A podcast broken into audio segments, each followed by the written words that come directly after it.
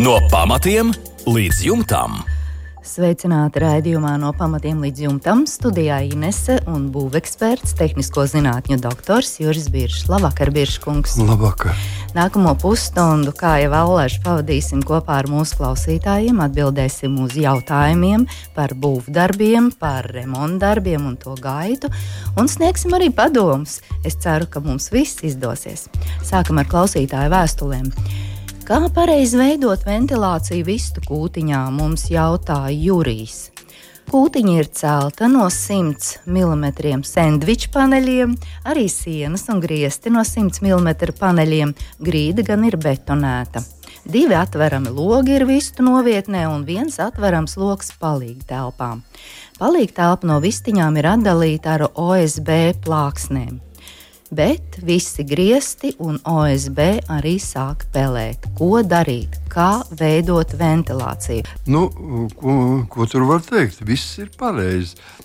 Pēc fizikas likumiem, ja nebūtu uh, šie pelējumi un mitrumi, tad es teiktu, ka, ka noticis brīnums, kāds viss ir pareizi. Jo no sandviča tipa paneļiem tie ir paneļi, kas cauri nelaiž. Tad vai nu viņi ir metāla un siltumizolācijas no siltumizolācijas vidū, vai viņi ir no, no cita kāda betona vai kam, bet katrā gadījumā ir daudz slāņu konstrukcija, un viņi nelaiž cauri gaisu kā tādu vienkārši. Un tāpēc pirmkārt ir betona grīda, kas dod mitrumu kas vienmēr dos mitrumu no, no, no grunts uz augšu. Ir dzīves būtnes, kas tur staigā ar paaugstinātu temperatūru, putni. Ja? Un tā tad uh, ražo mitrumu. Vesela plējāde ir tātad faktori, kas ražo mitrumu. Kur viņam likties? Viņš ceļās uz augšu un tātad krājās kā kondensāts uz griestiem. Uh, uz sienām. Nu, ja? protams, un, ir vēl putnu barība, un jā, ūdens jā. un nu, tas tikai ir, tas ir tikai, sakot, papildus bonus pelējumam. Ja? Viņam ir barotnes, kur ko un tā tālāk. Tātad, lai likvidētu šo, šo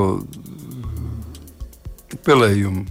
Un izveidot svaigu gaisu, un gaisam jābūt apmaināmam. Tātad sāksim visvienkāršākām lietām principā, kas ir vajadzīgs. Grieztos vajadzīga atvere, caur kuru izplūst gaiss. Nu, es nezinu, kas ir ar bērnu telpu, vai ir bērnu telpa, vai nav. Tātad konstruktīvi, e, kas Jurijam jā, jāatrisina. Viņam jāatrisina tas, ka no, no griestu līmeni ir atvere, ir difuzors. Tas nozīmē, kas, ka var sam, regulēt šo gaisa daudzumu. Tātad augstāk atrodošai konstrukcijai jābūt ir, nu, izējai, gaisam jātiek ārā. Gaisa iet uz augšu, viņam jātiek ārā. Vislabāk, ja mēs ierīkojam. Teiksim, šajā telpā, kas ir virsgrieztiem, pieņemsim, ka tur ir telpa virsgrieztiem, ir savienojums ar šo telpu, uz virs, virs, virsgrieztu telpu, un tur ir novietot ventilatoru kas ir noregulēts uz 70% mitrumu un darbojas tikai pēc mitruma. Kā 70% mitrums, viņš iedarbojas un velk to gaisu ārā. Tad mēs varam arī uz sāniem viņu izpūst vai tālāk. Šeit ir daudz dažādu variantu, bet viņi ir nepieciešami. Tur savādākie varianti pat nav iespējami. Tas nozīmē, ka gaisa ir jāpadod arī. Tas nozīmē, to, ka savā um, palīga telpā pie durvīm ir gaisa ieplūde apakšējā daļā, kuru arī var regulēt. Un tātad mēs varam attiecīgi regulējot gan ieplūdi gaisam, gan izplūdi. Nu, varam nodrošināt jebkurus apstākļus. Vasarā ļoti spēcīgu gaisa kustību. Nu, ziemā daudz mazāka, bet tomēr neuzkrātos ūdens laiku. Un jā, šo gaisa apmaiņu nodrošināt. Jā. Bet šie divi logi, vistu novietnē un viens logi, arī palīk telpā, acīm redzot, to nevarētu atrisināt. Logi atrodas vienādā augstumā. Jā. Pirmkārt, tas nozīmē, vai nu jums ir divi logi vai 20 logi. Izņemot augstumu, gaisa tur iekšā neies. Tāpēc, ka tur priekšā ir gaisa, sasilis gaisa, un kaut kāda daļa no, no siltā gaisa izies bet vairāk nekas tur nebūs. Tātad plūsma neparā, neparādīsies. Plūsma būs tikai tad, ja būs augstuma starpība, un tātad tas ir gaisa ieplūst pie durvju līmeņa apakšējās daļas un izplūst grieztu līmenī. Augšējā līmenī. Jā. Bet, ja mm, šī kūtiņa ir atsevišķa, tikai jumts Un tad arī šo ventilāciju kā tad ierīkot, nu, ja nav virs kūtiņas telpa. Caurules tipa skurstenītes uz augšu, un tā arī pat vienkāršāk, tad mēs varam ierīkot viņa, teiksim, vēja turbīnu ierīkot. Viņš ah. vējas dzīs, un viņš viņu kā dzirnaviņa, ja? Ar dzirnaviņā, bet no dzirnaviņa, tāpēc jābūt difuzoram griez līmenī, lai neiznāk izrauja visām, visām ārā. Ja. Nolām. no, olas tā kā mazāk. Nu, jā.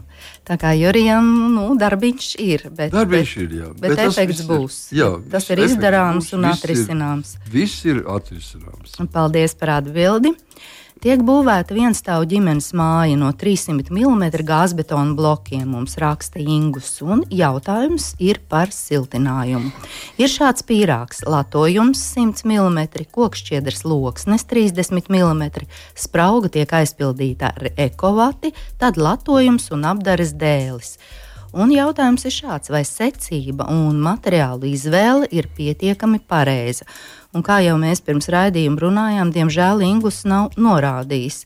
Siltinās no iekšpuses vai no ārpuses. Un šajā nu, materiāla uzskaitē it kā ir iespējami abi varianti. Nu, iespējami ir abi. Visticamāk, tomēr ir tas, ka tas ir ārā ārā pīrāgs un iekšpusē būs apmetums vai atstās tas pats krāsots galbetons vai kaut kas tamlīdzīgs.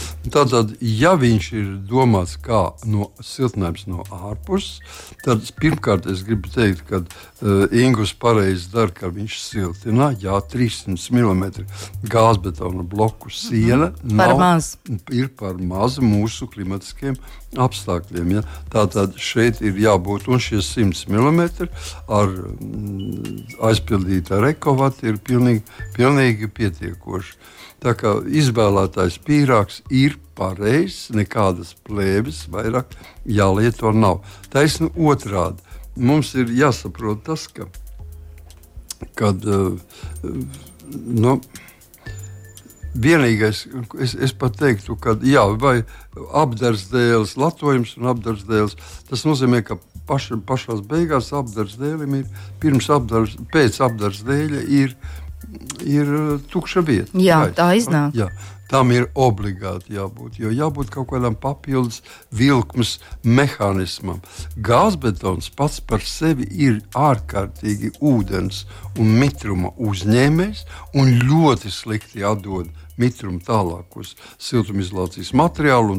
Tāpēc, ja radīs to pašā ārpusē būs gaisa sprauga, pa kuru plūdīs gaiss, tad pēc ežekcijas principa viņš tomēr palīdzēs atbrīvoties no liekā mitruma. Uh mhm. -huh. Un, ja tomēr tas ir no iekšpuses, kā tad tā no, ja būtu? No, no gadījuma, tādā gadījumā, ja ir no iekšpuses, tad ir tikai viena atšķirība tad mēs neveidojam gaisa spraugu starp mm, tātad, latojumu un apgabala dēli. Mums nav. Tad ir klāta. Tad ir viss, viss ir aizpildīts. Jā, skaidrs. Paldies par atbildi. Pirmdienās, 7. vakarā Latvijas Rādio 2 celtniecības un remonta darbiem veltīts raidījums. No pamatiem līdz jumtam. Ar padomiem un atbildēm uz klausītāju jautājumiem Latvijas Rādio 2 studijā - tehnisko zinātņu doktors, būveksperts Juris Biršs. Nākamā mums ir Kārļa vēstule, Kārlis jautā, kāds būtu labākais ventilācijai risinājums iestrādātā beramo kokšķiedru jumta kopņu konstrukcijā vai nepieciešama ventilējošā sprauga starp difūzijas membrānu un kokšķiedras atduras dēļiem. Internetā ir redzami varianti ar un bez ventilācijas. Citi saka, ka nekustīgs gaiss labāk notur siltumu, gan jau tas ir atkarīgs arī no konkrētā gadījuma. Kāds būtu labākais risinājums šajā gadījumā? Un pielikumā ir arī vairāki attēli Kāds būtu labākais risinājums atduras dēļiem, jautā Kārlis, vai tos izvietot vertikāli uz augšu vai uz ārpusi veidot kabatu. un ar fasādes vati pieiet no apakšpuses. Difūzijas membrāna iespējamo kondensātu novada gar lāseni teknē. Lūk, un ir pievienoti trīs uh, fotoattēli. Lūdzu, jūsu komentārs, Biržkungs. Jā, nu šeit ir ļoti sarežģīts uzdevums mums investīt. Mums jau par dažām minūtēm ir jāatbild. Es teiktu, es labprāt lasītu divu stundu lekciju par šo. Bet nu nesanāks šoreiz. nesanāks, jā. Diemžēl, diemžēl būtu gan daudz ko man teikt Kārlim, tāpēc, ka nu, šajā konstrukcijā, kas ir uzzīmēta, Nu, Pirmkārt, tātad noliksim malā visas tās konstrukcijas, tos skices, lai kāds noliek malā visas tās skices, kur nav atstāta atstarpe starp difūzijas plēvi un starp šiem um, dēļiem. Ja? Tos mēs abus divus noliekam malā, tur vispār nav saruna. Tāpēc, ka difūzijas plēve ir plēve, kas teiksim, no, no apakšas puses jau laiž cauri mitrumu, gaisu un tā tālāk. Un koka dēlis ir tāpat. Kāpēc mums būtu jāliek divas difūzijas plēves?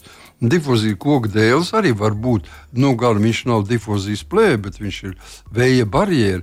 Bet difūzijas plēve ir praktiski viņš izpilda to pašu funkciju. Likt kopā Tas ir vienmēr visiem jāatcerās. Ļoti slikti, kad internetā klejo nepareizs traktējums. Šeit jābūt tikai vienam. Mēs pielietojam vēja barjeru, vai tā ir difūzijas plēve vai dēles, vienalga. Tā tad nekad nevar difūzijas plēve vai kāda cita plēve atrasties uz jau dēļu pamatne. Nu, tas ir Tas ir nonsens. Ja? Pat šī sprauga ir nepieciešama, viņa ir obligāta un par viņu jāplūst gaisam. Tur pats par stāvošu gaisu nav ne mazākās sarunas. Tur tieši otrādi, tur caurvējām jāsvilpo cauri. Ja? Un viņi ir domāti nevis lai sildītu, nevis lai ko, bet lai vienkārši radītu gaisa plūsmu no jumta kastes uz kori. Korē šim gaisam jāiet ārā, un pa ceļiem ejot, viņi pēc izrakstīs principa ņem ārā no vēja barjeras, ņem ārā, velk ārā mitrumu, kurš rodās kur. Rodās siltuma izolācijas materiālā. Kāpēc? Tāpēc, ka ir temperatūra starpība. Ārā uz jumta ir mīnus 20, apakšā istabā ir plus 20. Tātad stāties priekšā kāda milzīga starpība, 40 grādu starpība ir kaut kur jālikvidē. Viņa realizēs kā mitrums. Kur viņa realizēs? Realizēs siltumizolācijas materiālā. Tāpēc, žūstot šim materiālam, mitrums ir kaut kur jāliek. Savādāk viss šī konstrukcija sāks pelēt, pūt un sagrūst. Tas ir pirmais noteikums. Kas ir? Tātad mēs sākam skatīties šo bildi. Un tagad atgriežamies pašā sākumā no, paš, no pašas augšas. Redziet, lai vienkāršāk, pareizi veidotu jumtu, es ļoti, ļoti sirsnīgi iesaku sadalīt jumtus. Tas nav grūti sadalīt jumtus divās daļās. Jumtu segmateriāls ir noteicošais šajā jautājumā. Ja jumta segmateriāls ir nepārtraukts, nu, teiksim, bit, uh, uz nu, ruberoidu jumts, līmēts, uzkausēts ruberoidu jumts, tur nav nekā mazākā iespēja tikt zem iekšā vai kaut kādā gaisam tikt ārā. Nepārtraukts jumts. Ja ir nepār, teiksim, falsēts metāls atkal. Tāpat tas ir bitumēns šīndeļa uz OSB klātnes. Tāpat tie visi ir nepārtraukti jumti. Tas ir viens variants. Un otrs variants ir tāds, ka jumts taisno no atsevišķiem gabaliņiem. Tā kā teiksim, šajā gadījumā kāds taisno no māla dakstiņiem jumtu. Un Tas ir no atsevišķiem gabaliņiem, ja? kas, rā, kas nosaka to, ka smalks pulverveids sniegs Latvijas klimatiskos apstākļos vienmēr ja tiks iekšā cauri šim jumta klājumam un atradīsies zem jumta klājuma. Ja? Tātad metāls uz skrūvēm starp savienojuma vietā vienmēr iesprāgsies šis smalkais pulverveids sniegs. Mēs viņu atrodam bēniņos, ja mēs to nedarām. Un tāpēc, konstrukcija, tāda kā to ir uzzīmējis Kārlis, ir Latvijas apstākļiem nav pareiza. Lai pirmais, kas mums jāuz, jāuz, jāuzņem, ir šis smalkais. Ja ir māla dakstiņi, tad mums jāuzņem smalkais sniegs, kas ieputināsies. Un tāpēc zem māla dakstiņiem, zem latām un zem uh, difūzija, tātad nevi, pirms, pirms tur, kur jānovietot difūzijas membrāna, jābūt gaisa spraugai vismaz 5 cm lielai, tālāk seko, tas ir platai, ja, un tālāk seko uh, tvaikizolācijas plēve ar antikondensāta pamatni, kas tiek ieklāta starp spāriem ar ieliekumu vismaz 2 cm. Nu, parasti ar pāriem liek, liek 60 cm. Tātad, un uz viņas saticēs kondensāts un saticēs smalkais pulverveids sniegs. Un pa slīpni tomēr ir kaut kāda temperatūras starpība, viņš slīdēs uz leju. Slīdēs uz leju un ies, ieslīdēs tur, kur pilnīgi pareizi Kārlis ir novadījis šodien difuzijas membrānu. Kas notiksies, ja, ja mēs neliksim un, un zem šīs, šīs um, tā saucamās tvaikizolācijas plēves ar antikondensātu pamatnes, atkal ir gaisa sprauga, tad ir tikai tad parādās difuzijas plēve vai vēja barjeri. Vienalga. Tātad šī konstrukcijai trūkst augšējā vēl viena gaisa sprauga un mm, tvaikizolācijas plēve ar antikondensātu pamatu. Tas jau rāda, tas ir divas fundamentālas lietas, kas mums ir vajadzīgs. Nu, es nāku, nākuši, ātri, ātri pieskaršu tikai nosaukšu vēl kur ir vēl šīs kļūdiņas. Ja? Tātad gaisam ieplūstot jumta kaste. Pa spraugām viņš neieplūdīs. Ir vajadzīga divi centimetri plata sprauga, kur no augšpuses mēs varam noklāt ar tīkliņu pret visādiem mošķiem, un, lai tur nelīst iekšā, bet gaisa tiek klāta. Tad gaisa iet uz augšu, iekļūst šajā spraugā, iet uz augšu, iet pa spraugu līdz korei, korei viņš ir kori vaļā korā viņš nāk laukā. Tur ir speciāls koras elements ar, ar deflektoriem, kas izmet šo gaisu laukā. Tālāk, mēs, es skatos uz sienām, ir um, mūrla, mūr, tas ir mūrlāti. Mūrlāti ir tieši precīzi betona joslai pa vidu. Nu, parasti par vidu liek tad, kad nezinu, kur likt vai vienā malā, vai otrā. Nezinu, droši paliek nedroši, liekam pa vidu. Kas jau rāda, ka nevajag. Viņi vienmēr ir jāliek iekšējā, pie iekšējās malas. Ja mēs liksim, jo mēs tuvāk ārmalai liksim, jo lielākas iespējas ir vējam sagraut šo, šo keramzītu betona bloku, tāpēc arī betonētā josla augšā. Ja. Jā, tā, tas ir tāds būtisks kļūdas. Nu, vēl tur visādas mazas sīkas kļūdiņas, bet galvenais ir šīs divas, ko, par ko mēs runājam. Jā. Paldies par atbildi. No pamatiem līdz jumtam. Nopirku māju tukumā, mums raksta Kaspars. Viena mājas siena ziemeļpusē ir ar zaļiem plankumiem. Ap mājas cokolu ar betonu klāta taciņa. Mājas iekšpusē nav pelējums un arī pastiprināts mitrums. Māja celta 2006. gadā. Un jautājums Kasparam ir šāds: nu, kāpēc veidojas šādi pleķi un kā tos varētu labot? Jā. Nu, mums ir ļoti maz informācija ir Kaspars devis. Nu, viņš varētu būt mazliet devīgāks.